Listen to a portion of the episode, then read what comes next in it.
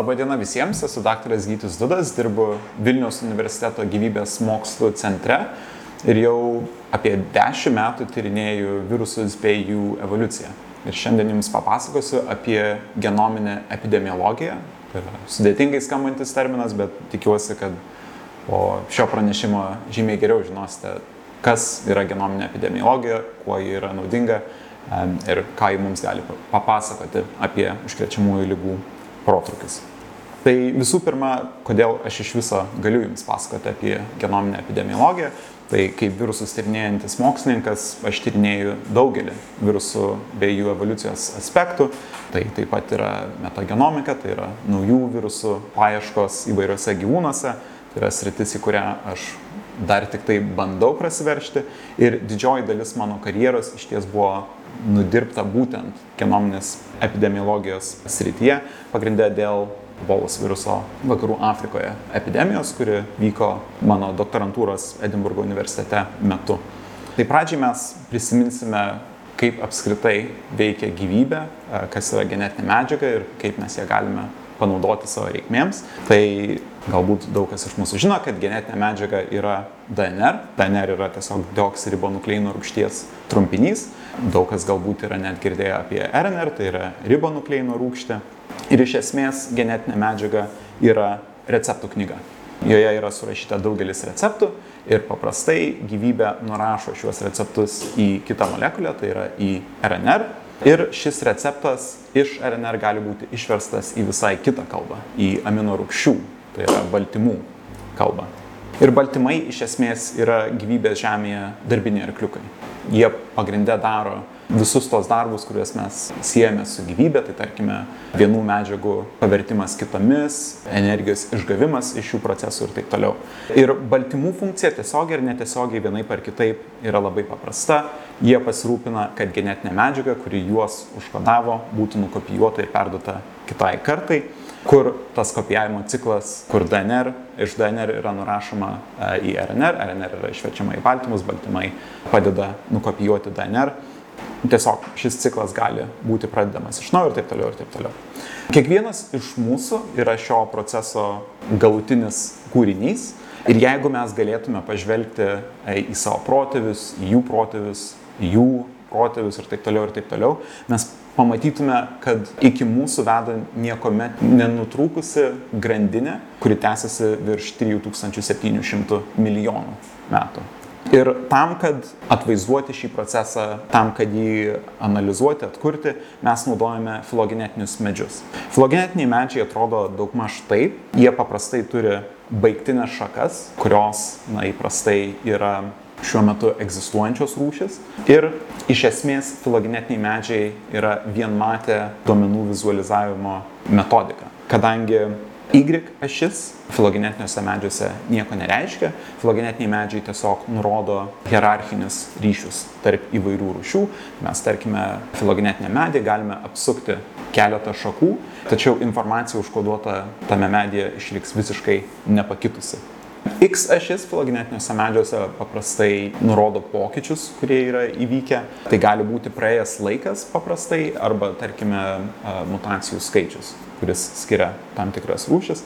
Ir kaip mes galime perskaityti filogenetinį medį, tai tarkime, jeigu mes žiūrime į žmogbežonių filogenetinį medį, mes matome, kad žmonės ir dvi šimpanzių rūšis turėjo bendrą protėvį. Tai yra, egzistavo kažkoks organizmas panašus į žmogbežonę, kurio populiacijoms atsiskyrus, viena iš tų šakų galų gale evoliucionavo į žmonės, kita šaka šiek tiek vėliau taip pat atsiskyrė dar kartą į bonobus ir šimpanzes. Ir tam, kad nupasakoti geriau, kaip vyksta filogenetinių medžių atkūrimas, aš jums papasakosiu apie didįjį šunų pabėgimą iš dažų fabriko. Mes įsivaizduosime, kad turime dažų fabriką, kurį saugo ištisa gauja šunų, kurie vieną dieną ištrūksta. Ir kadangi šunis saugo dažų fabriką, dažų fabriko kieme yra pilna įvairios spalvos balų, kur yra išsilieję dažai ir visa gauja bėgdama pro kiemą um, uh, išsitepa tais dažais ir kartais išsiskiria ir bėga į skirtingas puses kaip mažesnės gaujas. Tai galbūt visi šunys bėgdami prabėga pro žalią balą, visi išsitepa, dalis iš jų yra pagaunami ir mes galime pamatyti iš, iš jų kailio, kad jie yra prabėgę pro žalę dažų balą. Kiti galbūt po žalios balos perbėga per mėlyną, taip pat yra sugaunami, kiti perbėga per raudoną ir taip toliau ir taip toliau, kol galų gale mes sugauname visus šunis. Po to Peržiūrėję šunis ir kokiamis spalvomis jie yra išsitepę, mes galime pastebėti, kad, tarkime, visi šunis yra išsitepę žaliais dažais, nemažai jų yra išsitepę mėlynais ir taip toliau ir taip toliau. Ir tai reiškia, kad mes būtent pagal tas spalvų kombinacijas ir kurios iš jų yra bendro šunim, kurios yra unikalios, mes galime atkurti, kokia tvarka visa mūsų gauja prabėgo pro dažų fabriko kiemą ir tokiu būdu atkurti jų bėgimo takus. Ir lygiai taip pat, kuomet mes kalbame apie genetinę informaciją, nėra taip, kad iš vienos kartos kitai organizmai perdoda savo genomus visiškai nepakitusius ateities kartoms. Tai nėra, kad iš vieno genomo padaromi 2, iš 2 4, iš 4 8, kaip viskas vyksta iš tikrųjų. Tai daug kas iš mūsų žino, kad e, genetinė medžiaga, tarkime, DNR yra sudaryta iš dvigubos spiralės ir kiekvienoje spiralės pusėje yra nukleotidai. Tai yra pavienės pozicijos, kurios koduoja vieną iš keturių nukleotidų, kuomet tai yra DNR. Ir kiekvienas nukleotidas turi savo atitikmenį antroje grandinėje. Ir tai reiškia, kad mes intuityviai galime suprasti, kokiu būdu vyksta genetinės medžiagos kopijavimas. Mes tiesiog atskiriame vieną grandinę nuo kitos, kopijuodami antrąją grandinę mes galime įstatyti reikiamą nukleotidą į kopijuojamą grandį, sprendžiant iš to, koks nukleotidas yra pirmoje. Tačiau kartais e, įvyksta taip, kad kopijuojant antrąją grandinę įvyksta klaida. Vietoje reikiamo nukleotido yra įstatomas visai kitas, arba DNR taisymo metu, arba tiesiog tą naują grandinę kopijuojant vėl gali įsitvirtinti naujasis nukleotidas, tai yra gali būti įvykusi klaida ir būtent tokias klaidas mes vadiname mutacijomis. Tai pats kopijavimo procesas, ypatingai kuomet kalbame apie ganėtinai trumpus kartos laikus turinčius patogenus, paprastai kopijavimo metu įvyksta klaida, ją pažymėsime skrituliuku e, mūsų genomuose. Ir ta klaida yra tiesiog propaguojama visoms ateities kartoms, kadangi, na, tiesiog mes kopijuojame tą genomą ir būtent tą su klaida genomą mūsų patogenas tik ir gali perduoti, tačiau kitoje kartoje taip pat gali įvykti dar daugiau mutacijų, taip toliau ir taip toliau. Ir iš esmės mes kaip mokslininkai pačio proceso, kaip vyksta genomų perdavimas iš vienos kartos kitai, negalime tiesiogiai matyti, tai elementariai kainuotų tiesiog per brangiai. Ką mes paprastai turime yra baigtiniai šio kopijavimo proceso objektai, tai yra patys genomai iš šiuo metu cirkuliuojančių patogenų, kur turėdami juos mes galime pamatyti, kurios iš mutacijų galbūt yra bendros keletui genomų. Ir tai mums leistų uh, suponuoti, kad greičiausiai egzistavo bendras protėvis, kuris paveldėjo šią mutaciją ir kurio visi ateities palikoniai paveldėjo šias mutacijas. Tai būtent sprendžiant iš to mes galime atkurti ganėtinai ne, nepoliruotą, nešlifuotą filogenetinį medį, kuris daug maž mums nupasakoja apie procesą, kuris davė pradžią visiems mūsų genomams. Ir jeigu mes palyginame filo, mūsų filogenetinę rekonstrukciją, kuri yra padaryta remiantis vien mutacijomis, ir palyginame su tikrove, mes matome, kad mūsų rezoliucijos praradimas tai yra tikrojo medžio dalis, kurių mes nebegalime matyti vien mutacijų pagalba, nėra labai didelės. Ir mes vis tiek galime pasakyti nemažai apie mūsų genomus, sprendžiant vien iš tų mutacijų. Ir netikslus kopijavimas iš tikrųjų mums visiems yra žymiai artimiau pažįstamas, negu gali pasirodyti. Tai tarkime, kiekvieną dieną mes naudojame kalbą. Kalba yra tai, ko mes mokome savo vaikus, tačiau kalba gali kisti. Galbūt atsiranda kažkokie dialektai, galbūt atsiranda žargonas, galbūt vaikai bendraudami tarpusavį išranda kažkokių naujovių. Ir būtent to dėka kalba kaip savotiškas objektas, kuris yra perdodamas iš vienos kartos kitai, gali kisti ir ilgainiui tas procesas priveda prie naujų kalbų atsiradimo. Mes žinome, kad lietuvių kalba kartu su daugeliu kitų Europos kalbų priklauso indoeuropiečių kalbų šeimai. Ir mes žinome, tarkime, kad latvių kalba yra artimiausiai gimininga lietuvių kalbai. Jos abi išsivystė iš kažkokios bendros prokalbės, kuri tiesiog vėliau atsiskyrė į dvi skirtingas kalbas. Ir tarkime, artimiausias giminaitis baltų kalboms yra slavų kalbos. Tai tokie procesai mums yra labai gerai pažįstami, religija elgesi labai panašiai.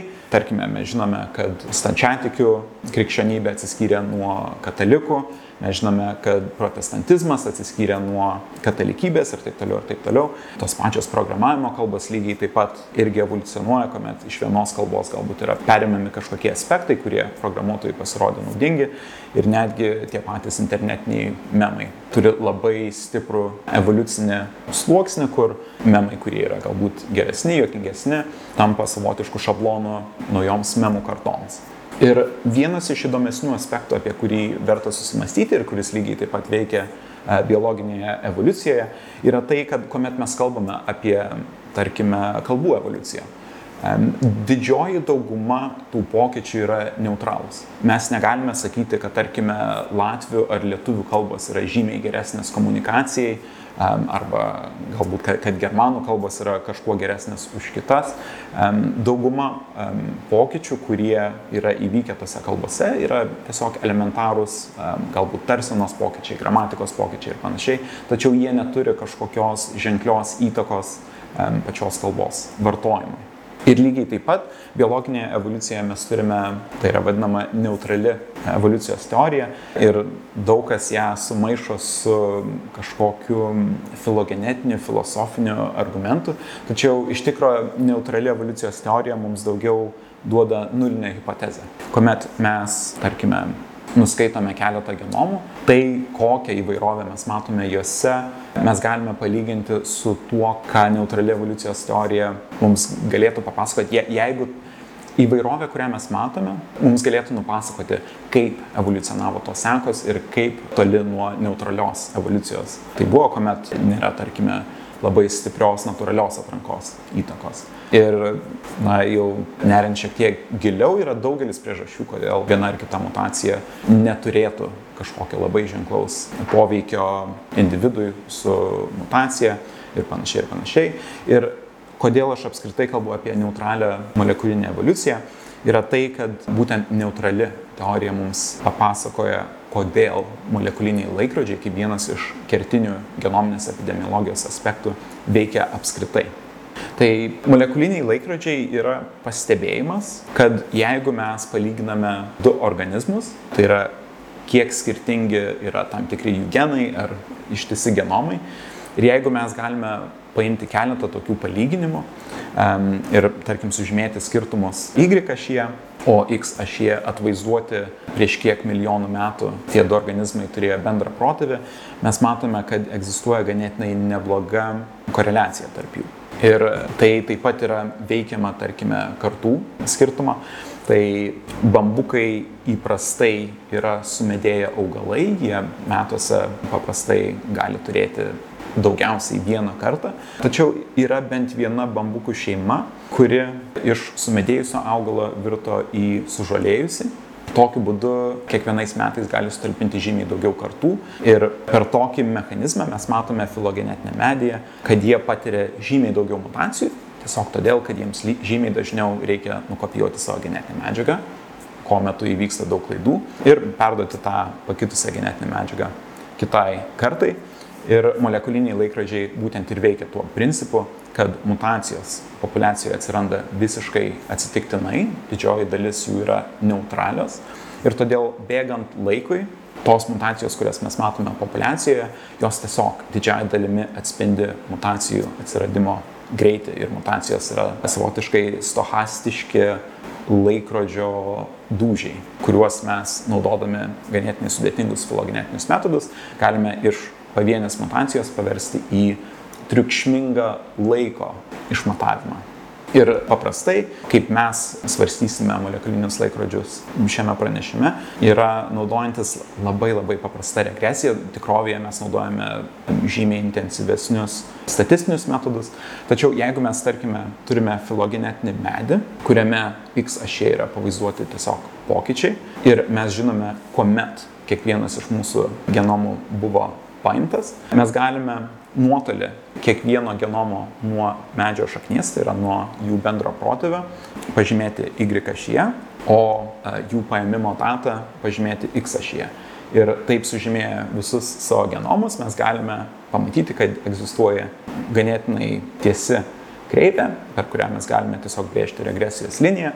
Ir šios regresijos linijos nuolydis bus proporcionalus evoliucijos greičiui, tai yra kiek per vieną laiko vienetą mes matome mutacijų. Ir x ašies dalis, kur ši regresijos linija kerta y ašies nulį, bus na, savotiškas bendros protėvio datos išmatavimas.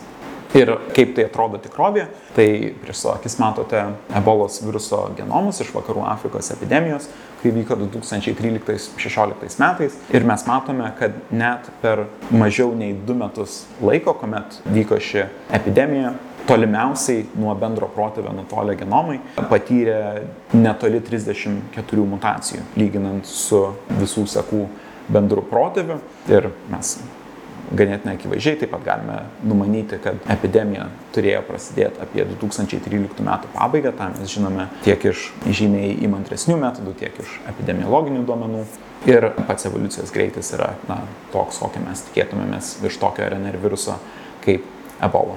Ir paprastai, kaip aš stengiuosi mąstyti apie molekulinius laikrodžius, apie virusų genomus ir kokią laiko rezoliuciją mes galime turėti iš vieno ar kito viruso, tai mes galime pažiūrėti, kad jeigu mes turime Y ašyje evoliucijos greitį, tai yra kiek matome mutacijų per laiko vienetą vienoje genomo pozicijoje ir ant X ašies mes turime sekos ilgį, tai tarkime galime nuskaityti kažkokį mažą patogeno genomo regioną, kas buvo daroma anksčiau, kuomet sekoskaita buvo brangi, arba mes galime išsiplėsti iki viso genomo, tačiau savai mes suprantame, negalime nuskaityti daugiau negu viso genomo. Ir tuomet kontūrai mums tiesiog nurodo, kiek vidutiniškai mums reikia palaukti su tam tikrų sekos ilgiu. Kuo ilgesnė seka, tuo didesnė tikimybė, kad kažkur tame genome įvyks mutacija ir priklausomai nuo evoliucijos greičio mes galime palaukti.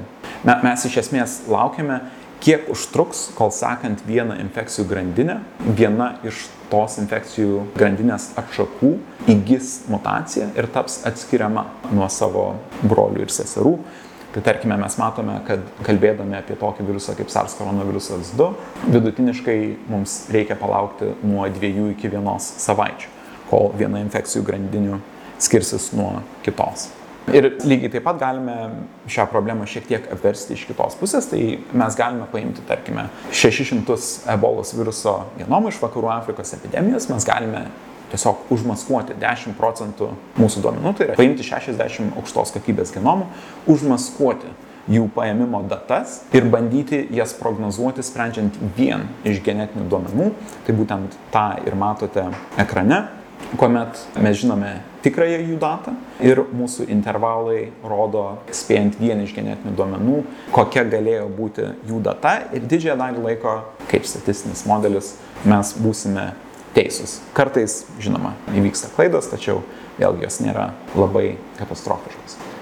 Mes taip pat galime palyginti, kiek nutolę nuo mūsų regresijos linijos, tai yra mūsų geriausias spėjimo, yra mūsų prognozuotos datos. Ir jeigu mes pažiūrėtume į absoliučią paklaidą, taip pat matome, kad teorinė riba, kurios mes tikėtumėmės, sprendžiant iš, tarkime, šio paveiksliuko, būtų 21 diena ir tai, ką mes išmatavome empiriškai šioje regresijoje, sutampa praktiškai tobulai. Tai yra vidutiniškai mūsų paklaida yra apie 3 savaitės, kalbant būtent apie ebolos viruso genomus.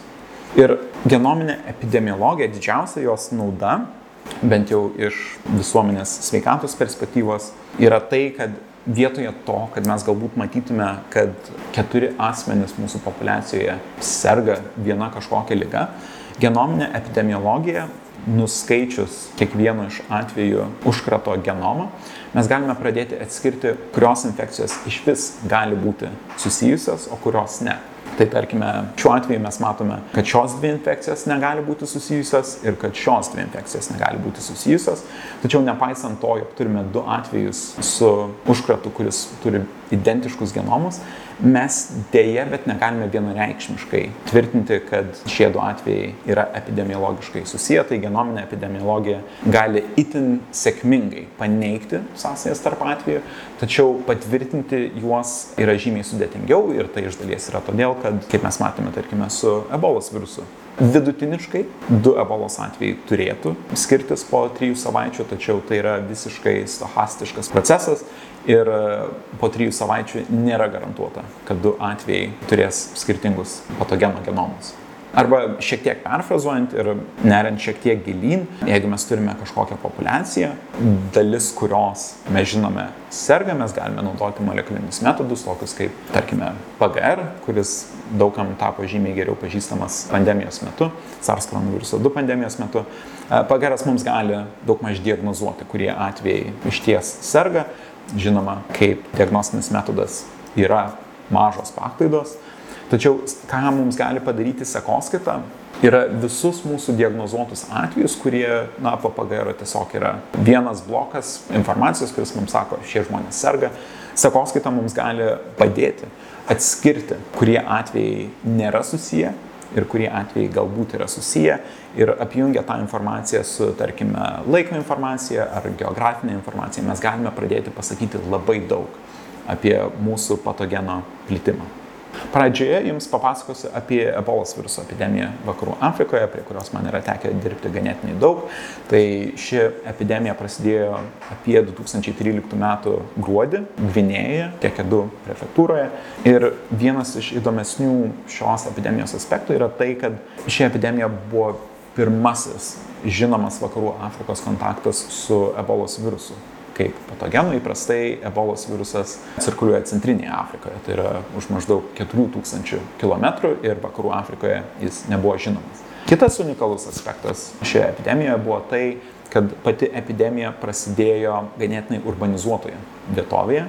Centrinėje Afrikoje vykstantis protrukiai įprastai būna, na, vyksta atogražų miškuose, mažose kaimeliuose, kuriuos yra itin sudėtinga pasiekti arba iš jų ištrūkti. Ir taip pat vakarų Afrikoje pati epidemija prasidėjo maždaug prie trijų valstybių sienų. Tai yra Gvinėjos, Sierra Leonės ir Liberijos. Tai irgi buvo ganėtinai unikalus aspektas. Ir epidemijos pabaigoje mes žinojame apie mažiausiai 28 tūkstančius atvejų ir bent 11 tūkstančių mirčių. Ir iki šiol tai yra didžiausias žinomas ebolos viruso protrukis, kuris lenkia kitus šviesmečiais, kadangi įprastai ebolos virusas cirkuliuodamas Centrinėje Afrikoje nepaveikdavo daugiau nei keleto šimtų žmonių. Ir tuo metu jau prieš beveik dešimt metų buvo ganėtinai inirtingai pradėti naudoti sekoskaitą kaip vienas iš metodų kovoti su šia epidemija. Tai kuomet mes rašėme straipsnį apie šią epidemiją, mes dirbame su daugiau nei 1600 ebolos viruso genomų, tai yra sudaro maždaug 5 procentus visų žinomų ebolos viruso atvejų. Ir nepaisant įvairių neligybių tiek iš populiacijos pusės, tiek iš atvejų pusės, tai tarkime, X ašyje matote kiek atvejų raportavo vienas ar kitas administracinis vienetas kiekvienoje iš trijų paveiktų šalių ir kiek mes turime genomų iš to administracinio vieneto, mes matome, kad nepaisant įvairių šių neligybių, sekoskaita visgi neblogai pasivijo bendrus atvejų skaičius ir mes turime ganėtinai reprezentacinius duomenis. Kaip jau minėjau, buvo įvairios neligybės, tos neligybės egzistavo, tarkime, tiek tarp skirtingų šalių, kur tarkime mes matome, kad Gvinėjos epidemija skiriasi nuo Sierra Leonės epidemijos ir Liberijos epidemijos laike. Taip pat turėčiau pasakyti, Gvinėja yra pažymėta žalia spalva, Liberija raudona, Sierra Leonė mėlyna. Mes matome, kad Gvinėjos epidemija yra ganėtinai ištesta, tačiau nėra labai aukšto lygio. Tuomet Liberijos ir Sierra Leonės epidemijos yra žymiai labiau suspaustos laikė, tačiau buvo pasiekusios žymiai didesnius atvejų skaičius. Ir lygiai taip pat, kuomet mes žiūrime geografiškai, mes matome labai akivaizdžias neligybės, kur ypatingai šios epidemijos metu kentėjo itin tankiai apgyvendinti miestai. Tai buvo pagrindė sostinės, tai Konakris Gvinėja, Freetownas Sierra Leone ir Monrovija Liberijoje.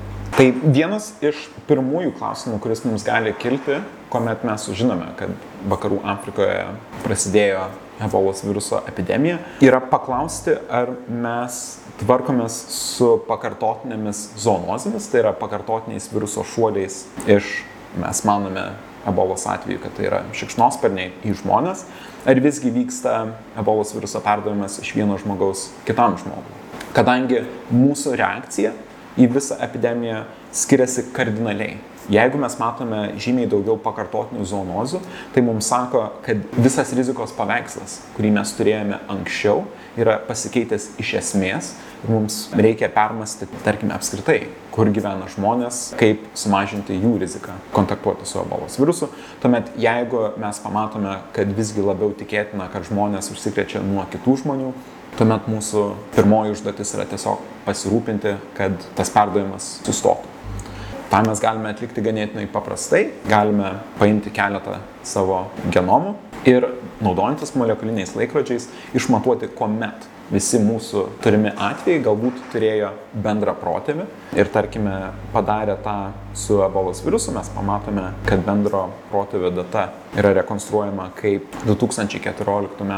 sausis, irgi su savotiška paklaida, tačiau tai labai gerai dera su kita mūsų turima informacija, tai yra kuomet epidemiologai mano, kad prasidėjo ši epidemija. Ir kadangi šios dvi datos sutampa, yra labai tikėtina, kad įvyko vienas šuolis iš gyvūnų rezervaro į žmonės ir toliau vyksta perdavimas iš vieno žmogaus kitam žmogui ir galų gale mes būtent tą ir matome. Mes matome rekonstruotą bendro protėvio datą, kuris sutampa su būtent tuo pirmuoju šuoliu. Jeigu mes pamatytume, kad, tarkime, mūsų visus genomus skiria, tarkime, keletas ar keliasdešimt metų, na, mums tuomet jau kiltų įtarimas, kad mes matome didelę viruso įvairovę, kuri cirkuliavo šikšnosparniuose ir kuri keletą kartų nepriklausomai vieni nuo kitų patenka į žmonės.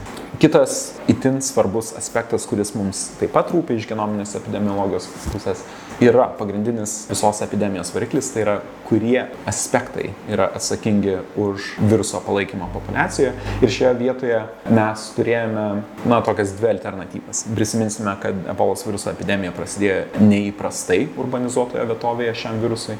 Ir todėl viena iš hipotezių, kurią mes turėjome, yra tai, ką mes vadiname žydinio modeliu, kur galbūt dėl savo dydžio, dėl populacijos tankio ar kitų aspektų, miestai gali virsti na, savotiškai amžinai užkrėstomis vietovėmis, kuriuose yra palaikomas tolimesnis ebolos viruso perdavimas ir virusas su infekuotais keliautojais galbūt patenka į mažesnius kaimus apylinkėse, tačiau tenai negali išsilaikyti būtent dėl to, kad kaimuose populacijos dydis nėra pakankamai didelis.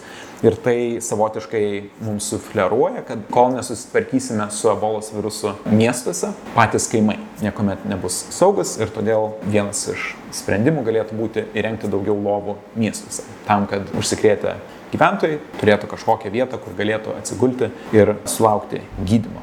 Kitas alternatyvus modelis galėtų būti tai, ką mes praminėme miško gaisro modeliu kur nėra nei vienos vietovės, kuri yra tiesiogiai atsakinga už tolimesnį viruso palaikymą populiacijoje ir virusas tiesiog šokinėja iš vienos vietovės į kitą, kol galų gale tenai jį išnaikina, tarkime, visuomenės sveikatos komandos, kurios atvyksta ir pradeda taikyti kažkokias intervencijas. Ir šiuo atveju nėra nei vienos vietos, kuri yra atsakinga už tolimesnį viruso palaikymą ir ganėtinai akivaizdžiai pats migracijos procesas palaiko tolimesnį viruso plitimą, tai tarkime, jeigu pasirodytų, kad miško gaisro modelis yra žymiai geriau atspindi tą tikrovę vakarų Afrikoje, tuomet sprendimas yra tiesiog mažinti mobilumą.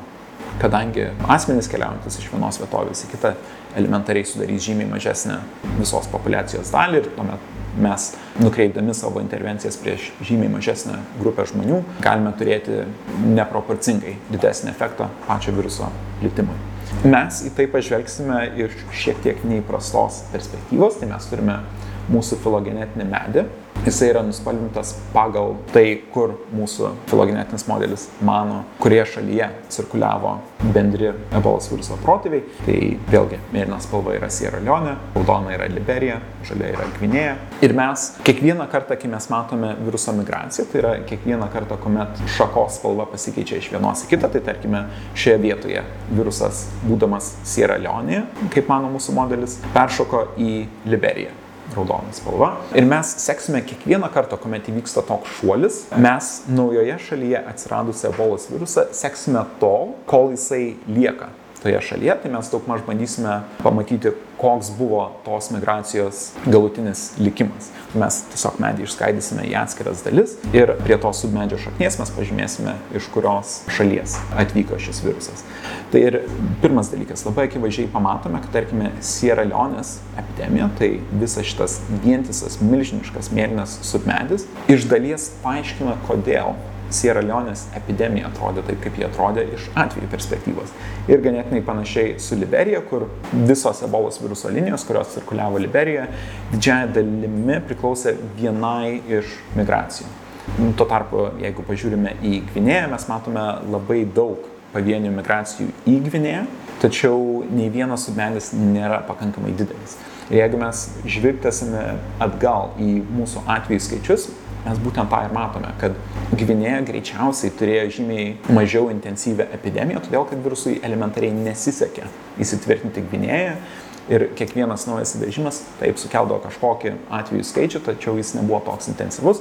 Tuo tarpu tiek Sierra Leone, tiek Liberija, na, tiesiog buvo pavienės ebolos viruso linijos, kuriams pasisekė itin gerai ir jos sukėlė milžiniškus protokius atvykusias į tą šalis. Ir mes galime pakartoti šį procesą, tik vietoje to taip pat turėčiau paminėti, kad kuomet mes žiūrime į būtent tokį paveikslą, kur mes turime kai kurias šalis, kuriuose dominavo pavienės linijos ir ta šalis, kuriuose ebolos virusui nesisekė taip gerai, mes galime manyti, kad bent jau ties šalių sienų ribomis žymiai efektyviau, žymiai geriau pačią situaciją nupasakoja žydinio modelis.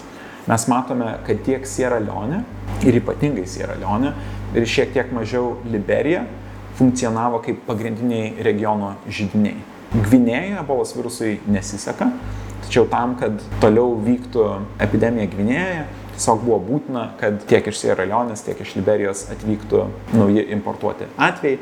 Tai tokiu būdu tampa akivaizdu, kad kol epidemijos neišspręsime Sierra Leonėje ar Liberijoje, Gvinėje nebus saugi. Ir jeigu mes pratesime šį mūsų filogenetinio medžio išskaidimą ties administracinių vienetų ribomis. Tai šį kartą paveiksliukas šiek tiek yra skirtingas. Tai kiekviena eilutė yra administracinis vienetas kiekvienoje iš šalių. Šie apskritimai žymi to administracinio vieneto populiacijos dydį. Ir šios linijos, kiekvienos linijos pradžia nupasakoja, kuomet į tą administracinį vienetą atvyko ebolos viruso infekcija. Ji baigėsi ties paskutiniu žinomu genomu, kuris priklauso būtent tai migracijai. Ir apskritimai per vidurį tiesiog žymi, kiek iš viso genomų buvo aptikti tame submedyje Ir mes matome, kad ta populiacijos struktūra, kurią mes matėme ties sienų ribomis, tarptautinių sienų ribomis, kuomet buvo labai akivaizdu, kad tiek Sierra Leone, tiek Liberija e, funkcionuoja kaip žydiniai, kuomet mes žvelgiame į kiekvieną pavienę šalį, staiga ta populiacijos struktūra ištirpsta. Ir kiekvienoje šalyje, ypatingai tarkim Sierra Leone, mes matome, kad nėra praktiškai nei vieno regiono, kuris būtų infekuotas visą epideminį laikotarpį. Ir ką mes matome, yra tiesiog labai daug pavienių taškų, kurie indikuoja, kad kiekviena naujai į regioną atvykusi ebolos viruso infekcija nepracirkuliavo labai ilgą laiko tarpą ir nebuvo pakankamai didelė. Tai mes matome, kad jau šalių viduje viena iš efektyvesnių intervencijų būtų buvusi mobilumo mažinimas.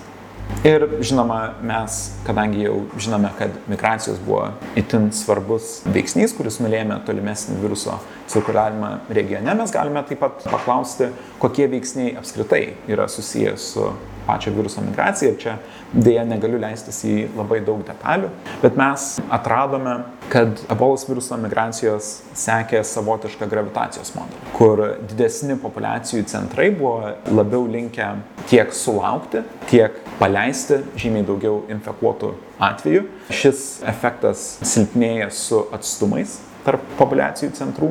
Ir kas mums buvo ganėtinai neįprasta, kad mes matėme, kad egzistuoja ganėtinai stiprus tarptautinių sienų efektas, kur jeigu ebolos virusas migruoja iš vienos administracinio vieneto į kitą, jis žymiai dažniau tą darys pačių valstybių ribose, o ne tarp jų, kas buvo ganėtinai keista, kadangi sienos vakarų Afrikoje buvo nubrėžtos vos ne atsitiktinai, dažniausiai europiečių ir kiekvienoje šalyje egzistuoja labai daug ir labai įvairių etninių grupių ir todėl įprastai nebuvo manoma, kad valstybių sienos vakarų Afrikoje turi kažkokį ženklų efektą žmonių judėjimui. Ir tuomet galų gale mes taip pat turėjome savotišką trumpų atstumų efektą, kur jeigu ebolos virusas iš vieno administracinio vieneto migruoja į kitą šalį, dažniausiai tai bus administraciniai vienetai, kurie yra abipus tarptautinės sienos. Tai gauname iš viso tokį įdomų gravitacinį modelį, kuris beje yra labai dažnai aptinkamas ir taikomas, tarkime, ekonominėse veiklose. Tai turime tą gravitacinį modelį, kuris yra veikiamas tarptautinių sienų ir virusas gali praeiti pro sienas, atsidūręs netoli sienos. Vienas iš man asmeniškai įdomesnių ebolos viruso epidemijos aspektų buvo labai akivaizdus parodimas akademinio skaidrumo. Ir ko galbūt nežino didžioji dalis visuomenės, kad kuomet mokslininkai dirba kažkokius darbus, galutinis na, dabartinės santvarkos pagrindinė užduotis yra gauti daugiau publikacijų. Ir publikacijos yra mūsų, na, kaip ir karjeros vienetas. Daugelis mokslininkų jaučia, kad turi labai akilai saugoti informaciją, kuri atsiduria viešoje erdvėje tam, kad e, kiti mokslininkai galbūt nepavoktų jų idėjų ir ne, neišpublikuotų jų žymiai anksčiau. Tai ką jūs matote paveiksliuke, kiekviena eilutė yra skirtingos komandos, kurios dirbo vakarų Afrikoje, tai yra atliko sekoskaitą, atliko jų analizės. Kiekvienas brūkšnys yra ebolos viruso genomas, kurio sekoskaitą atliko ta komanda. Kiekvienas genomas yra pažymėtas X ašė, tai yra kuomet tas mėginys buvo paimtas. Atviri skrituliukai rodo, kuomet tie sekoskaitos duomenys buvo paviešinti, tai yra tapo prieinami visuomeniai, tuo tarpu ir kitiem mokslininkam. Ir juodi skrituliukai yra, kuomet buvo išėjusi pati publikacija mokslinėme žurnale ir tampa labai akivaizdu, kad daugelis mokslininkų savo duomenis paviešina, tai yra atviri skrituliukai, itin gerai sutampa su publikavimo data ir taip yra todėl, kad paprastai mokslininkai gauna patvirtinimą, kad jų straipsnis bus publikuojamas mėnesį, du mėnesius prieš pačią publikavimo datą ir todėl žino, kad iš jų kažkokių idėjų niekas jau nebepavogs. Ir tą mes matome su daugeliu straipsnių ir tai savaime suprantama vykstant visuomenės sveikatos krizėms yra labai sunkiai pateisinamas dalykas. Taip yra ne visuomet. Mes taip pat matome, kad yra bent keletas komandų, kurios savo duomenimis dalinosi, kuomet juos gaudavo ir dalindavosi pakartotinai, kuomet gaudavo daugiau naujų duomenų. Ir vienas iš svarbesnių aspektų, kurį reikėtų pažymėti, kad šiame paveiksliuke tampa labai akivaizdu, kad nei viena komanda neprabuvo savo dažniausiai pavienėse šalise visą epidemijos laikotarpį. Tai kuomet jie atvykdavo, jie matydavo kažkokią mažą epidemijos dalį ir taip pat praktiškai nei viena komanda nedirbo daugiau nei vienoje šalyje. Tai vėlgi jų turimas epidemijos paveikslas buvo ribotas tiek geografiškai, tiek e, iš laiko pusės. Ir ką tai reiškia, kad jeigu viena komanda mato kažką savo domenyse, jie įprastai negalėdavo kontekstualizuoti tų duomenų ir tinkamai vertinti tuos duomenis, kuriuos jie turi. Ir vienas iš skirtumų buvo šios dvi komandos, Arijas ir Quick, kurie dalinosi savo duomenimis iš karto, kuomet juos gaudavo. Viena komanda dirbo Sierra Leonėje, kita komanda dirbo Gvinėjoje. Ir vien dėl to, kad jie dalinosi savo duomenimis, kuomet juos gaudavo iš karto, jie ganėtinai greitai galėjo pastebėti, kad tarkime viena infekcijų grandinė kurią jie mato, tarkime, Gvinėje, iš tikro yra nesenai atvykusi iš Sierra Leonės ir kad tas apsikeitimas tarp šių dviejų šalių infekuotais keliautojais vyko gan dažnai. Ir taip žymiai geriau suprasti pačius procesus, kurie vyko jų teritorijoje.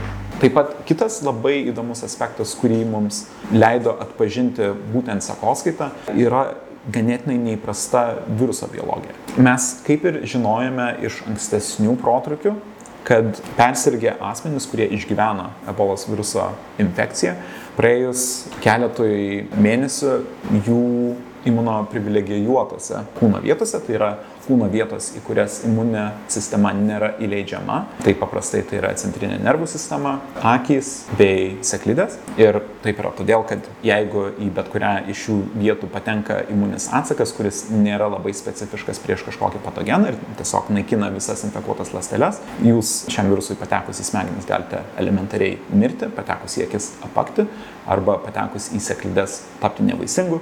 Tai būtent tokiu būdu mes pastebėjome, kad tarkime ebolos epidemijos metu kai kurie išgyvenusieji patyrė ilgalaikių problemų, tarkime, su savo regėjimu, būtent dėl chroniškos akių infekcijos, kurios imuninė sistema negalėjo pašalinti, kadangi negalėjo patekti į tuos organus. Ir lygiai taip pat tiek epidemijos metu, tiek praėjus keletui metų po jos buvo pastebėta, kad karts nuo karto kildo maži protrukiai ebolos viruso, kurie buvo tarsi evoliuciškai atsilikę. Sprendžiant iš to, kuomet jie buvo izoliuoti, jie neturėjo pakankamai mutacijų, kiek mes tikėtumėmės. Ir to ekstremalus taškas buvo palyginus nesenai atrastas atvejis, kur praėjus virš penkių metų po persirgymo prasidėjo mažas ebolos viruso protrukis, kurį, kaip ir praėjusius, sukėlė asmuo, kuris buvo persirgęs ebola ebolos virusas chroniškai užkrėtė to žmogaus seklidės ir nesaugių lytinių santykių metu virusas buvo perduotas jo lytiniam partneriui. Ir mes šiame paveiksliuke matome, kad tie genomai, kurie buvo izoliuoti būtent iš to naujai kilusio protrukio 2021 metais, labiau priminė tuos, kurie cirkuliavo maždaug 2014 metų viduryje, nors mes tikėtumėmės žymiai, žymiai daugiau mutacijų. Ir taip mes galime paskaičiuoti, kad šiam genotipui trūks apie penkių metų evoliucijos. Ir kuomet mes baigėme savo vakarų Afrikos ebolos epidemijos analizę, po maždaug dviejų metų kilo antra didžiausia žinoma ebolos viruso epidemija šį kartą labiau įprastoje vietoje, tai yra Kongo demokratinėje respublikoje, Šiaurės Kyvų provincijoje, kuri irgi tęsiasi netoli dviejų metų. Ir buvo ganėtinai įdomu stebėti, kaip praktiškai visi mūsų rasti dalykai, kurie galiojo vakarų Afrikoje, buvo visiškai pilnai pritaikomi būtent ir šiai naujai epidemijai. Ir po truputį, kas mums buvo aišku jau vakarų Afrikos epidemijos metu, kad sekoskaitos technologijos būtent dėl to, kad jos pinga ir e, kartais jos pinga dar sparčiau negu, tarkime, mikroprocesorių greičiai, tai yra mūro dėsnis. Būtent dėl to tapo ganėtinai akivaizdu, kad anksčiau ir vėliau mes susidursime su duomenų tsunami kad anksčiau ir vėliau mes turėsime tiek duomenų, kad mūsų filogenetiniai modeliai paprasčiausiai negalės susitvarkyti su tokiais duomenų dydžiais. Toliau jums papasakosiu apie MERS koronaviruso protrukius Arabijos pusėsalyje. Tai 2012 metais Junktinėje karalystėje į ligoninę atsigula senyvesnio amžiaus vyras su labai ūmiu plaučių uždegimu. Būtent sekoskaitos dėka yra nustatoma, kad šis asmuo yra užsikrėtęs iki tol nežinomu koronavirusu ir ilgainiui praėjus keletai mėnesių, vėliau metams ir taip toliau, yra randama vis daugiau šio viruso sukeltų atvejų, kurie, na, paprastai yra atsidūrę vakarų Europos šalise, tačiau turi kažkokią neseną istoriją keliavimo po Arabijos pusęsalį. Ir jeigu mes, tarkime, pažiūrėtume į žinias apie koronavirusus 2012 metais, yra labai akivaizdu, kad žiniasklaida buvo labai susidomėjusi šiuo virusu dėl labai akivaizdžios priežasties, tai yra dėl 2003 metais vos nekilusios pirmojo SARS koronaviruso pandemijos. Ir todėl buvo manoma, kad kaip koronavirusas, kaip žinoma rizika kelinti virusų grupė, MERS koronavirusas taip pat gali sukelti naują pandemiją. Tiesa, taip neįvyko. Net praėjus keletui metų MERS koronaviruso epidemiologija buvo labai, buvo labai sudėtinga ją išnarplioti. Tai tarkime, mes matome net praėjus dviems metams yra bandoma ieškoti, kas galėtų būti šio viruso rezervarais, yra testuojami katės ir šunis. Ilgainiui tampa labai akivaizdu, kad šis virusas yra itin artimai susijęs su Arabijos pusėsaliu, daugiausiai Saudo Arabija. Ir praktiškai šiam virusui nepavyksta įsitvirtinti niekur kitur. Išskyrus galbūt vieną incidentą, kuomet Pietų Korejoje 2015 metais dėl labai didelio protrukio susijęto su ligoninėmis, tačiau išskyrus vieną šį atvejį praktiškai jokia kita šalis pasaulyje nėra pranešusi apie tiek daug atvejų. Ir ilgainiui buvo suprasta, kad praktiškai visi vienkupriai kupranugariai savo gyvenime yra kontaktavę su MERS koronavirusu. Ir ilgainiui tarsi neliko jokių kitų alternatyvių scenarijų suprasti visiems šiems duomenims, kaip tik suvokti, kad MERS koronavirusas į žmonės patenka itin dažnai ir žmonėse jam nelabai gerai sekasi toliau plisti iš vieno žmogaus kitam žmogui, tai iš dalies panašiai kaip pasiutlygė, kur žmonės užsikrečia nuo pasiutusių gyvūnų, tačiau paprastai žmonės nesikandžia, todėl kitų žmonių neužkrečia. Tai MERS koronavirusas labai panašiai irgi negali labai efektyviai plisti iš vieno žmogaus kitam žmogui. To pasiekoje labai akivaizdžiai nekyla nauja pandemija. Ir ilgainiui visi MERS koronaviruso atvejai koncentruojasi tik tai ten, kur yra pirminė rizika užsikrėsti MERS koronavirusu ir ta didžiausia rizika yra kontaktas su vienkupriais kupranugariais. Taip pat egzistuoja kitas aspektas, kurį paliesime šiek tiek vėliau. Ir aišku, galų gale patys kupranugariai yra užsikrėtę nuo šikšnosparnių, tačiau priešingai nei žmonės gali palaikyti tolimesnį šio viruso plitimą. Ir kaip mes matome, kupranugariai, būtent dėl to ir mes matome, kad didžioji dalis kupranugarių yra persirgę, o žmonės yra tiesiog pavieniai atvejai, kurie vienu ar kitu metu yra kontaktavę artimai su kupranugariais, galbūt tai yra augintojai ar kiti žmonės. Ir esminis klausimas, kuris mums kyla, net jei mes galų galę suprantame, koks yra tas bendras MERS koronaviruso epidemiologijos paveikslas, mums vis tiek yra ganėtinai svarbu suprasti, kiek iš mūsų žinomų MERS koronaviruso atvejų žmonėse, kiek iš jų yra sukelta tiesiogiai užsikrėtimų nuo kupranugarių ir kiek galbūt yra sukelta nelabai efektyviai plintančio, tačiau vis tiek kitus žmonės galinčius užkrėsti atveju.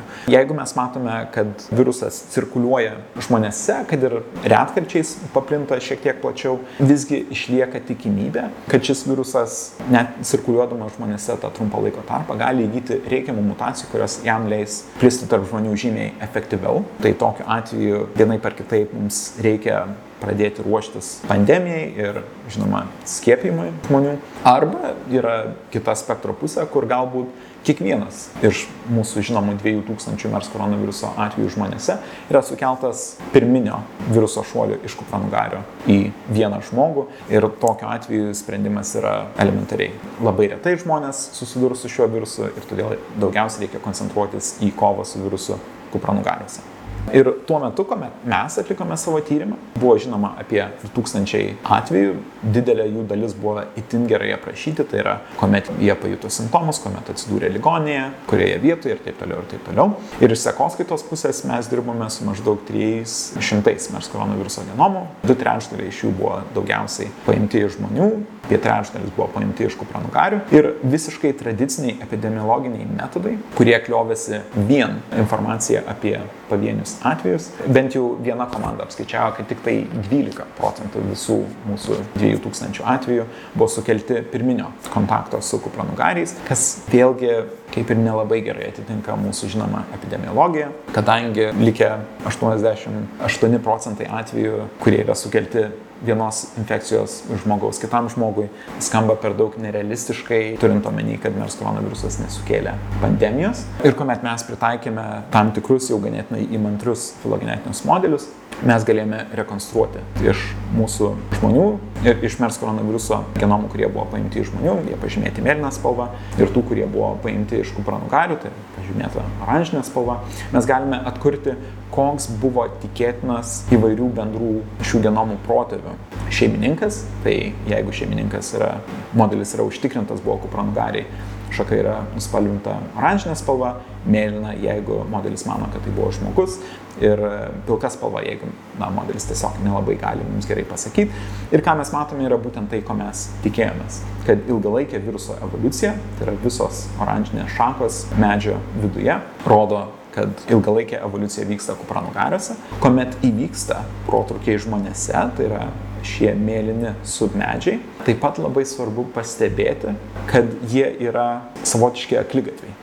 Virusas atsiduria žmonėse, tačiau negalėdamas ištrūkti iš jų, galų gale žmonėse būtent dėl savo neefektyvaus perdavimo išnyksta. Naudojantis šiuo filogenetiniu metodu, mes lygiai taip pat e, galime paskaičiuoti, koks yra vidutinis MERS koronaviruso R0 rodiklis, tai yra kiek vidutiniškai vienas užsikrėtęs atvejis užkrės antriniu atveju Jeigu šis R0 rodiklis yra mažiau vieneto, tai yra jeigu vidutiniškai vienas užsikrėtęs atvejis užkrečia mažiau negu vieną kitą atvejį, infekcija ilgainiui išnyksta. Jeigu tas rodiklis yra daugiau vieneto, infekcija gali būti toliau palaikoma populiacijoje. Ir bent jau MERS koronaviruso atveju mes esame paskaičiavę, kad R0 rodiklis yra mažiau vieneto, tai mes tą kaip ir žinojame. Tačiau ganėtinai svarbu pastebėti, kad jis nėra ženkliai mažiau vieneto, tai reiškia, kad na, visgi MERS koronavirusas gali bent jau iš dalies perduoti save žmonėse, taip, kad palieka ganėtinai nesmagų langą, per kurį gali vykti tolimesnė viruso evoliucija ir adaptacija žmonėms. Ir savotiškai iš kitos pusės peržvelgus, jeigu mes turime 2000 MERS koronaviruso atvejų ir ganėtinai mažą R0 rodiklį, tai automatiškai reiškia, kad sukelti tuos 2000 atvejų reikia žymiai daugiau pirminių viruso šuolių iš kupranugarių į žmonės. Ir mes esame paskaičiavę, kad tų šuolių galėjo būti mažų mažiausiai šimtai ir tikėtina apie 600. Ir MERS koronaviruso pamokos, bent jau iš genominės epidemiologijos pusės, nebuvo tokios ženklios, kokios gali pasirodyti. Mes jau anksčiau iš SARS koronaviruso žinojame, kad koronavirusai apskritai yra didelė rizikos grupė, kurie yra linkę į šuolius tarp skirtingų gyvūnų. Tarkime, tos pačios SARS koronaviruso 2 pandemijos metu Malazijoje buvo aptiktas paprastai šunise randamas koronavirusas, kuriuo buvo užsikrėtę bent keletą žmonių ir kurie turėjo ganėtinai rimtus kvepavimo takų infekcijos simptomus. Tik ganėtinai akivaizdu, šis virusas nesukėlė naujos pandemijos. MERS koronaviruso epidemiologija taip pat didžiąją dalimi buvo ganėtinai aiškiai jau nuo pat pradžių, net kuomet mes neturėjome sekų, tai iš tos pusės tas laimėjimas yra, tačiau jis nėra toks ženklus, koks gali pasirodyti.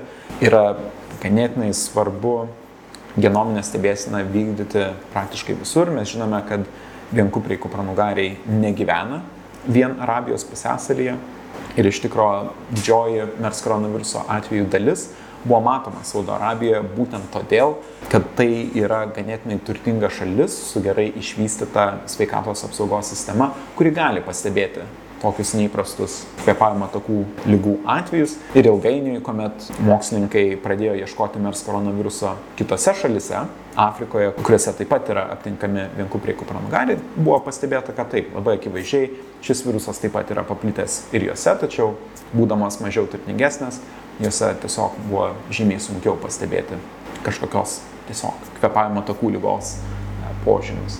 Ir žinoma, apie ką aš nepasakoju labai daug, tačiau kas irgi egzistuoja, kad gali susidaryti toks požiūris, kad sekoskaita gali išspręsti visas mūsų su iškrečiamų lygų protrukiais susijusias problemas, tačiau taip nėra.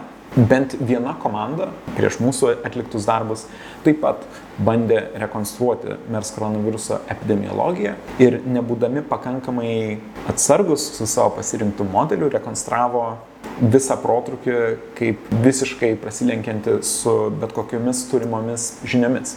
Tai yra, jie rekonstravo, kad MERS koronavirusas į žmonės, kurie yra pažymėti žalia spalva, įsitvirtino ganėtinai seniai ir tuomet iš žmonių pakartotinai šoknėjo į kupranugarius, kurie yra pažymėti raudona spalva. Ir tai labai akivaizdžiai, na, apjungus visus turimus duomenis, yra netiesa. Ir, na, vėlgi, vien tai, kad turime sekoskaitos duomenys, nereiškia, kad mes juos galime tiesiog įmesti į kažkokį modelį ir gauti norimą atsakymą. Ir galų galę papasakosiu apie SARS koronaviruso 2 Lietuvoje analizės iš sekoskaitos pusės. Tai keletas tokių įdomių aspektų, kuriuos verta pabrėžti, kuomet kalbame apie SARS koronaviruso 2. Tai yra pirmoji mokslui žinoma pandemija, kuri buvo stebima ir sukelta ne gripo virusu. Na, žinoma, mes taip pat turime živ pandemiją, tačiau živ pandemija elementariai greičiausiai nepaveiks nei vieno iš mūsų kažkaip rimtai per mūsų gyvenimą. Tai SARS koronaviruso 2 pandemija buvo pirmoji mokslininkų stebėtojų iš sekoskaitos pusės, kuri palėtė visus. Tai, ką mes matėme darbų su ebolos viruso metu, tai yra, kad pingant sekoskaitos technologijoms mes greičiausiai susidursime su duomenų tsunamiu visiškai pasitvirtino tai visame pasaulyje šiuo metu yra nuskaityta virš 15 milijonų SARS koronaviruso 2 genomų. Ir vienas iš įdomesnių aspektų, ypatingai mokslininkams, kurie tyrinėja virusus, yra tai, kad SARS koronaviruso 2 evoliucija buvo nenuobodi. Ką turiu omeny, kalbėdamas apie tai, kad jeigu būtų kilusi, tarkime, gripo pandemija tuo pačiu laiku, man atrodo, ganėtinai greitai žmonėms būtų pabodę sekvenuoti tą patį gripą, kadangi gripas paprastai nepasižymė tokiais radikaliais pokyčiais, kokius mes matėme su SARS koronavirusu 2. Ir pakviesiu jūs šiek tiek pamastyti apie bet kokį žmonės infekuojantį virusą iš jo perspektyvos, tai yra kas rūpi vienam ar kitam virusui, tam, kad mes geriau suprastume, kaip vyko SARS koronaviruso 2 evoliucija. Tai mes žinome, kad kuomet mes kontaktuojame su užsikrėtusiu žmogumi, kuris serga kažkokiu virusu, kurio mūsų imuninė sistema nėra mačiusi iki šiol. Mes jaučiame nepatogius simptomus ir maždaug vidutiniškai po dviejų savaičių po pirminio kontakto su tuo virusu mūsų kūnas pagamina antikūnų, kurie labai specifiškai atpažįsta būtent to viruso įvairius baltymus, kurie mūsų kūnui yra svetimkūnai. Ir dėl tos priežasties, kada mes turime pagaminę antikūnių, būtent tas pats identiškas virusas mūsų užkrėsti pakartotinai dažniausiai nebegali. Tačiau jeigu mes sutinkame to viruso giminaitį, kurio baltymai yra pakankamai pakitę iki tokio lygio, kad mūsų antikūnai jų nebetpažįsta, dėja, bet mes sirgsime vėl. Ir, tarkime, skiepų užduotis iš esmės yra supažindinti mūsų kūną su kažkokio patogeno svetimkūnais, tai yra jų baltymais, tam, kad susidarę antikūnai, kurie yra visiškai identiški antikūnams, kurie susidarytų po natūralios infekcijos, jie mus apsaugo nuo užsikrėtimo. Tik tai iki tokio lygio, savaime suprantama, kiek skiepuose naudotas baltymas primena tai, su kuo mes galbūt kontaktuosime ateityje. Tai jeigu patogenas per daug skiriasi nuo skiepuose naudotos atmainos, na, tuomet dėje, bet skiepai mūsų apsaugoti 100 procentų negali. Ir jeigu mes turime kažkokią populiaciją, kuri yra imli, tai yra niekuomet nėra mačiusi vieno ar kito viruso, savai mes suprantame, virusas tiesiog praseina pro visą populiaciją, užkrečia visus jos narius, turime eksponentinį augimą. Tačiau ilgainiui, kuomet visa populiacija yra persirgusi, tas virusas toje populiacijoje plisti negali, išskyrus tuos atvejus, kuomet atsiranda kažkoks naujas, pakankamai skirtingai atrodantis to viruso giminaitis, kuris gali mus sėkmingai užkrėsti. Tai tam, kad išlikti, skirtingi virusai aplinkybių yra nustumti į keletą skirtingų, pavadinsime, kategorijų. Tai mes turime virusus, kurie geba keistis antigeniškai itin lengvai. Vienas iš tokių virusų pasirodė esantis SARS koronavirusas 2, tai yra susidūręs su imunizuota populiacija. Šie virusai, tiek SARS koronavirusas 2, tiek, tarkime, gripo A virusas žmonėse, geba toleruoti itin reikšmingus pokyčius savo paviršiaus baltymuose ir tokiu būdu jie tiesiog apeina egzistuojantį visuomenės imuninį atsaką ir gali užkrėsti žmonės iš naujo. Kiti virusai užima tokią tarpinę grandinę, kur Taip, jie geba keistis antigeniškai. Antigeniškai reiškia tiesiog, kaip toks virusas atrodo žmogaus imuniniai sistemai. Jie geba keistis antigeniškai, tačiau ne taip greitai, kaip tarkime SARS koronavirusas 2 ar gripo A virusas. Tai gripo B ir C virusai yra labai geri to pavyzdžiai. Ir galų gale mes taip pat turime virusus, kurie apskritai panašu, kad nesikeičia antigeniškai iš vis. Tai toks yra timų virusas ar gripo A virusas keulėse, kur, tarkime, tymų viruso atveju mes žinome, kad pasiskiepiję nuo tymų visą gyvenimą turime maždaug 95 procentų apsaugą. Taip yra todėl, kad tymų viruso paviršiaus baltymai tiesiog negali toleruoti tiek daug pokyčių ir todėl negali kažkaip pakeitę savo paviršiaus baltymą jį taip pat išlaikyti funkcionalų. Ir todėl tymų virusas yra tiesiog apribotas evoliucinėje erdvėje ir antigeninėje erdvėje. Tuomet gripo A virusas, mes žinome iš žmonių gali labai lengvai keistis antigeniškai, tačiau keulėse dėl to, kad keulės paprasčiausiai, na bent jau mėsai laikomas keulės negyvena pakankamai ilgai, kad susidurtų su gripo A virusu antrą kartą gyvenime ir todėl gripo A virusas keulėse tiesiog nepatiria spaudimo keistis antigeniškai. Ir būtent antigeninė evoliucija didžiąją dalimi nulėmė, kuris populacijos segmentas sirgs šiomis lygomis. Jeigu mes turime virusus, kurie gali keistis antigeniškai labai lengvai, sergame praktiškai visi ir sergame kas keletą metų. Virusai, kurie netaip greitai keičiasi antigeniškai, didžiąją dalimi susargdina vaikus, kurie apskritai nėra matę daugelio infekcijų ir galbūt šiek tiek vėliau gyvenime, kuomet jie jau yra pakankamai pasikeitę arba galbūt mūsų antikūnų lygis prieš juos yra kritęs, tik tai tuomet jie mus užkrečia pakartotinai. Ir kuomet mes kalbame apie virusus, kurie apskritai negali labai keistis antigeniškai, tai ypatingai kuomet kalbame apie timus, jais serga išimtinai vaikai, kadangi virusas nebegali to paties asmens užkrėsti visą likusį jo gyvenimą, todėl virusams tiesiog tenka palaukti, kol yra gimusi nauja žmonių karta, kuri yra pasiekusi kritinį kažkokį lygį, kuris gali palaikyti tos infekcijos plitimą. Tai iki tol, kol mes turėjome efektyvius skiepus prieš tymus, tymų epidemijos vaikuose kartodavosi maždaug kas du metus. Tai yra būtent tiek užtrukdo laiko, kol gims pakankamai didelė žmonių kohorta, kuri yra imli tam virusui ir kad ji galėtų toliau palaikyti šio viruso plitimą.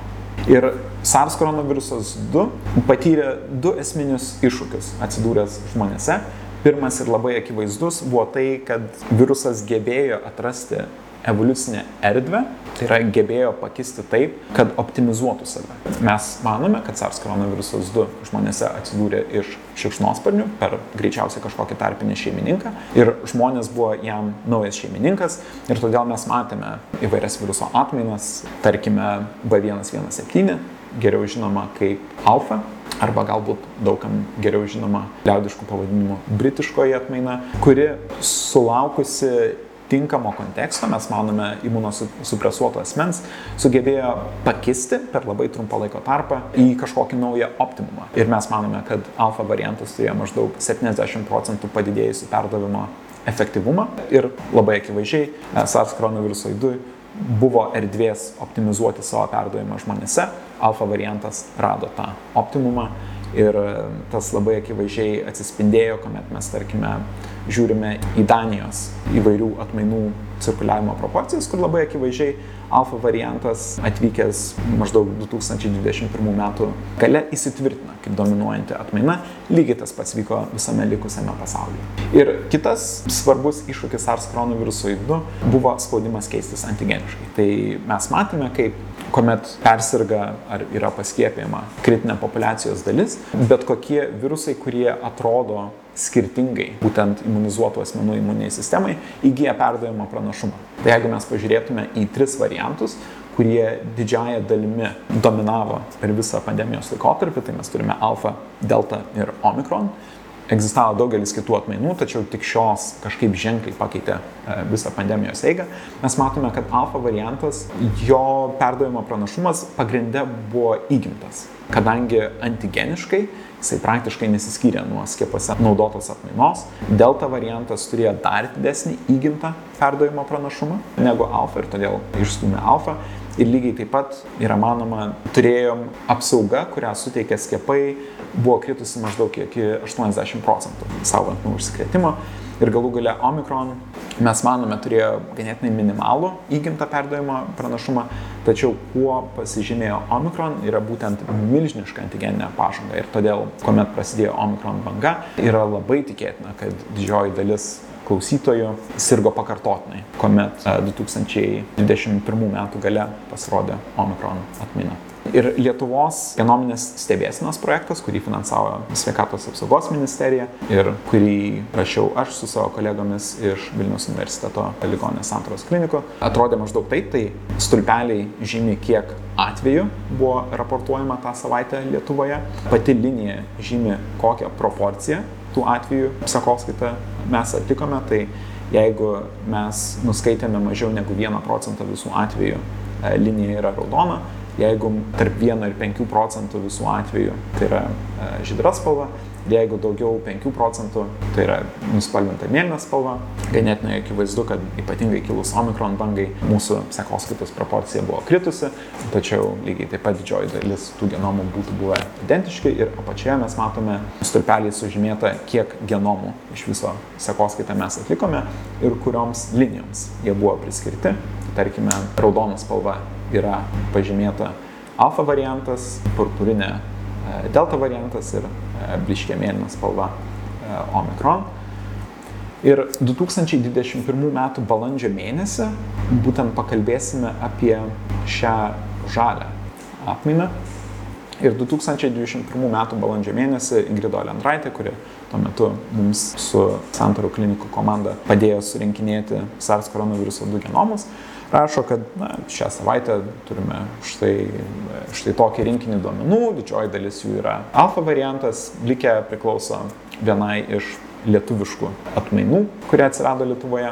Ir sako, na, kaip ir nuobodus rinkinys, nėra nieko egzotiško. Tik po to iš karto pastebi, kad yra bent vienas genomas, kuris atrodo šiek tiek keistai. Ir tai, ką mato Ingrida, būtent šios programos perspėjimai, mums sako, kad šis genomas turi šiek tiek daugiau mutacijų, Tai yra, mes turime labai ilgą šaką, nei mes tikėtumėmės. Tai reiškia, kad artimiausi šio genomo giminaičiai tiesiog yra šiek tiek per daug nutolę, negu mes tikėtumėmės. Ir kuomet aš peržiūriu tuos genomus, tampa labai akivaizdu, kad mes matome kažkokį kratinį, savotišką mozaiką. Tai, ką mes pastebėjome, vėliau buvo pavadinta linija B1620. Ir šiame paveiksliuke tiesiog esu sužymėjęs, kokias mutacijas turi būtent ši atmaina Jeigu tai yra mutacija, kuri iki šiol buvo stebėta tik tai šiame genome, yra pažymėta raudona spalva. Jeigu mutacija taip pat buvo matyta kitose atmainuose ir ypatingai tose, kurios tuo metu buvo rūpesti keliančios atmainos. Tai yra, tarkime, mes matome alfa B117, mes matome beta B1351, mes matome gamma P1 ir taip toliau ir taip toliau. Mes matome, kad mūsų genomas, kurį mes matėme, panašu yra prisirankijos mutacijų praktiškai iš kiekvieno rūpesti keliančio varianto, kuris cirkuliavo tuo metu. Ir kadangi mes žinome, kad, tarkime, viruso elgsena didžiąją dalimi nulėmė jo baltymų turimi pakitimai, tai yra mutacijos, na, mums savotiškai suprantama, B1620 iš karto sukėlė labai didelį susirūpinimą. Kaip jau minėjau, Ingrida iš pradžių mums pasakė, kad visas mūsų rinkinys susideda iš linijų, kurios nėra labai neįprastos. Tačiau, kas tapo labai akivaizdu, peržvelgus būtent B1620 turimas mutacijas, kad šie genomai buvo klaidingai klasifikuojami mūsų turimo algoritmo. Taip dėja įvyksta, kuomet, tarkime, modeliai, kuris nėra matęs kažkokių naujų duomenų, duodami nauji duomenys ir na, tas modelis tiesiog negali mums pasakyti kažko, ko jis nėra matęs anksčiau. Ir e, mes taip pat pastebėjome, kad B1620 turėjo tam tikrą mutaciją, kuri buvo siejama su sumažėjusiu skiepų efektyvumu. Tai mes matome, kad tiek beta, tiek gamma variantai turėjo šią mutaciją E484K. Ir kas buvo ganėtinai įdomu, kad mes pastebėjome, jog net Lietuvoje dvi savaitės prieš mus kita komanda buvo pastebėjusi, buvo nuskaičiusi labai panašiai atrodančius genomus, kas mus užtikrino, kad mes nematome kažkokią sekoskaitos klaidą, kuri unikaliai įvyko būtent santaros klinikose, o kad ir kita komanda, naudodamasi visiškai kitokiamis technologijomis, taip pat pastebėjo panašią atmainą ir todėl mes buvome užtikrinti, kad mes nepadarėme kažkokios klaidos. Patys duomenys, kuriuos mes turėjome tuo metu, buvo maždaug 30 genomų, kurių dalį mes turėjome Lietuvoje, kita dalis buvo paimta iš viešų duombazių, iš viso pasaulio ir tapo labai akivaizdu, kad šie 30 genomų yra labai akivaizdžiai paplitę visoje Europoje. Tačiau kas yra ganėtinai svarbu, kad net genomai, kurie buvo rasti vienoje šalyje, nėra labai panašus į kitus toje pačioje šalyje rastus B1620 genomus. Tarkime, jeigu pažiūrėtume į genomus, kurie aptikti Vokietijoje, jų mes randame šitoje medžio dalyje, šitoje medžio dalyje ir šioje medžio dalyje. Tai yra, mes nematome jokio akivaizdaus grupavimosi ties šalių sienomis. Ir aišku, kas buvo ganėtinai įdomu, kad mes nematome nei vieno genotipo. Tai yra, mes neturime nei vieno genomo, kuris būtų bent kažkiek panašus į bendrą visų šitų sekų bendrą protėvį, ką paprastai mes galime padaryti. Tarkime, matome, kad Lietuvoje turime nemažai genomų, kurie visi yra identiški, vienas kitam ir tarkime atrodo taip pat kaip šių dviejų genomų bendras protėvis, kadangi jie nelabai skiriasi šioje Y ašyje, kuri paprastai medį pavertus ant šono būtų X ašis. Tai mums leido kaip ir suponuoti, kad tai, ką mes matome, yra žymiai didesnio proceso dalis, kurio tik tai kažkokias galutinės ištakas mes matome Europoje. Tai tuo metu buvo tikėtina, kad kažkur kitur pasaulyje, kur nėra vykdoma sekoskaita, yra kilusi milžiniška B1620 sukelta atvejų banga, kuri tik tai 2021 m. vasarį staiga pradeda atsirasti ir pradeda atsirasti pagrindę Europoje. Ir būtent todėl mes matome, kad patys genomai Europoje nesigrupuoja, kadangi tai yra tiesiog keletas skirtingų atvejų, kurie yra atskridę į Europą ir tenai paskleidę šį užkratą, tai kažkur kitur pasaulyje vyksta milžiniškas tsunamis, mes matome tik tai galutinius jo purslus Europoje. Ir mes taip pat galėjome ganėtinai įtikinamai, bent jau įtikinti save, kad B1620 nėra atsiradusi Europoje, kadangi įprastai, kuomet mes matome kažkokias atmainas, kurios atsiranda vienoje ar kitoje šalyje ir tiesiog tampa ganėtinai tipiškos to šalies atmainos, jos paprastai yra pasiekusios ganėtinai didelį paplitimą populiacijoje, tai mes galime peržiūrėti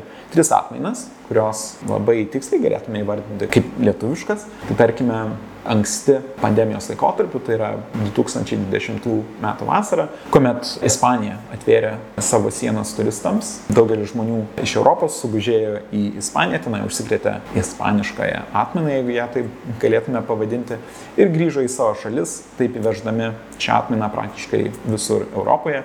Ir Lietuvoje mes turėjome na, savotišką lietuvišką jos versiją, kur arba įvyko, arba buvo įvežta šiek tiek kitokia šios atmainos versija su papildoma mutacija, kuri leido ją atskirti kaip būtent šią. Ir mes matome, kad būtent šios atmainos paplitimas Lietuvoje iš visų pasaulio šalių buvo didžiausias dėl akivaizdžių priežasčių. Lygiai tas pats atsitiko su alfa atmaina, kuri atvykusi į Lietuvą įgyjo vieną mutaciją, pagal kurią mes galėjome ją atskirti kaip lietuvišką ir ji vėlgi unikaliai buvo paplitusi daugiausiai tik tai Lietuvoje ir lygiai tas pats atsitiko su Delta. Ir mes nieko panašaus su B1620 taip ir nematėme, bent jau Europoje. Ir galų gale mums pirmąjį sufleravimą davė viena seka, kuri viešoje duombazėje buvo pažymėta kaip Prancūzijoje rastas atvejis, kuris buvo iš keliautojo, kuris buvo Kamerūne prieš tai. Ir vėliau susisiekus su daugiau šių sekų autorių, nemažai jų, jei, jei neklystu, bent penki papildomi atvejai taip pat buvo pažymėti kaip buvę keliautojai atvykę iš Kamerūno. Ir ilgainiui ta istorija rutuliojasi ir rutuliojasi, kol galų gale, maždaug praėjus trims mėnesiams, tai yra Liepa, galų gale B1620 protrukis Europoje įgyjo savo galutinę formą, mes turėjome nemažai atvejų Lietuvoje, Pietų Korejoje taip pat buvo įvykęs e, nemažas protrukis, Prancūzija, Šveicarija ir taip toliau ir taip toliau. Visi, na, galų gale anksčiau ir vėliau sulaukė didesnių protrukių ir galų gale B1620 išnaikino naujai kilusi tuo metu delta banga, kuri Lietuvoje prasidėjo, na, maždaug irgi Liepą. Ir ilgainiui mes, naudodamiesi savo statistiniais modeliais, galėjome parodyti, kad taip yra labai tikėtina, kad šios atmainos bent jau bendras protėvis prieš patenkant į Europą greičiausiai cirkuliavo Afrikos žemynė ir konkrečiai labai tikėtina, kad ši atmaina cirkuliavo Centrinėje Afrikos Respublikoje ir arba Kamerūne. Ir keletas iš pamokų, bent jau mano asmeninių, kalbant apie B1620, yra tai, kad nepaisant to, jog mes galėjome atkurti šios atmainos atsiradimo istoriją e, Lietuvoje, geriau suprasti kad ji kelia žymesnių problemų.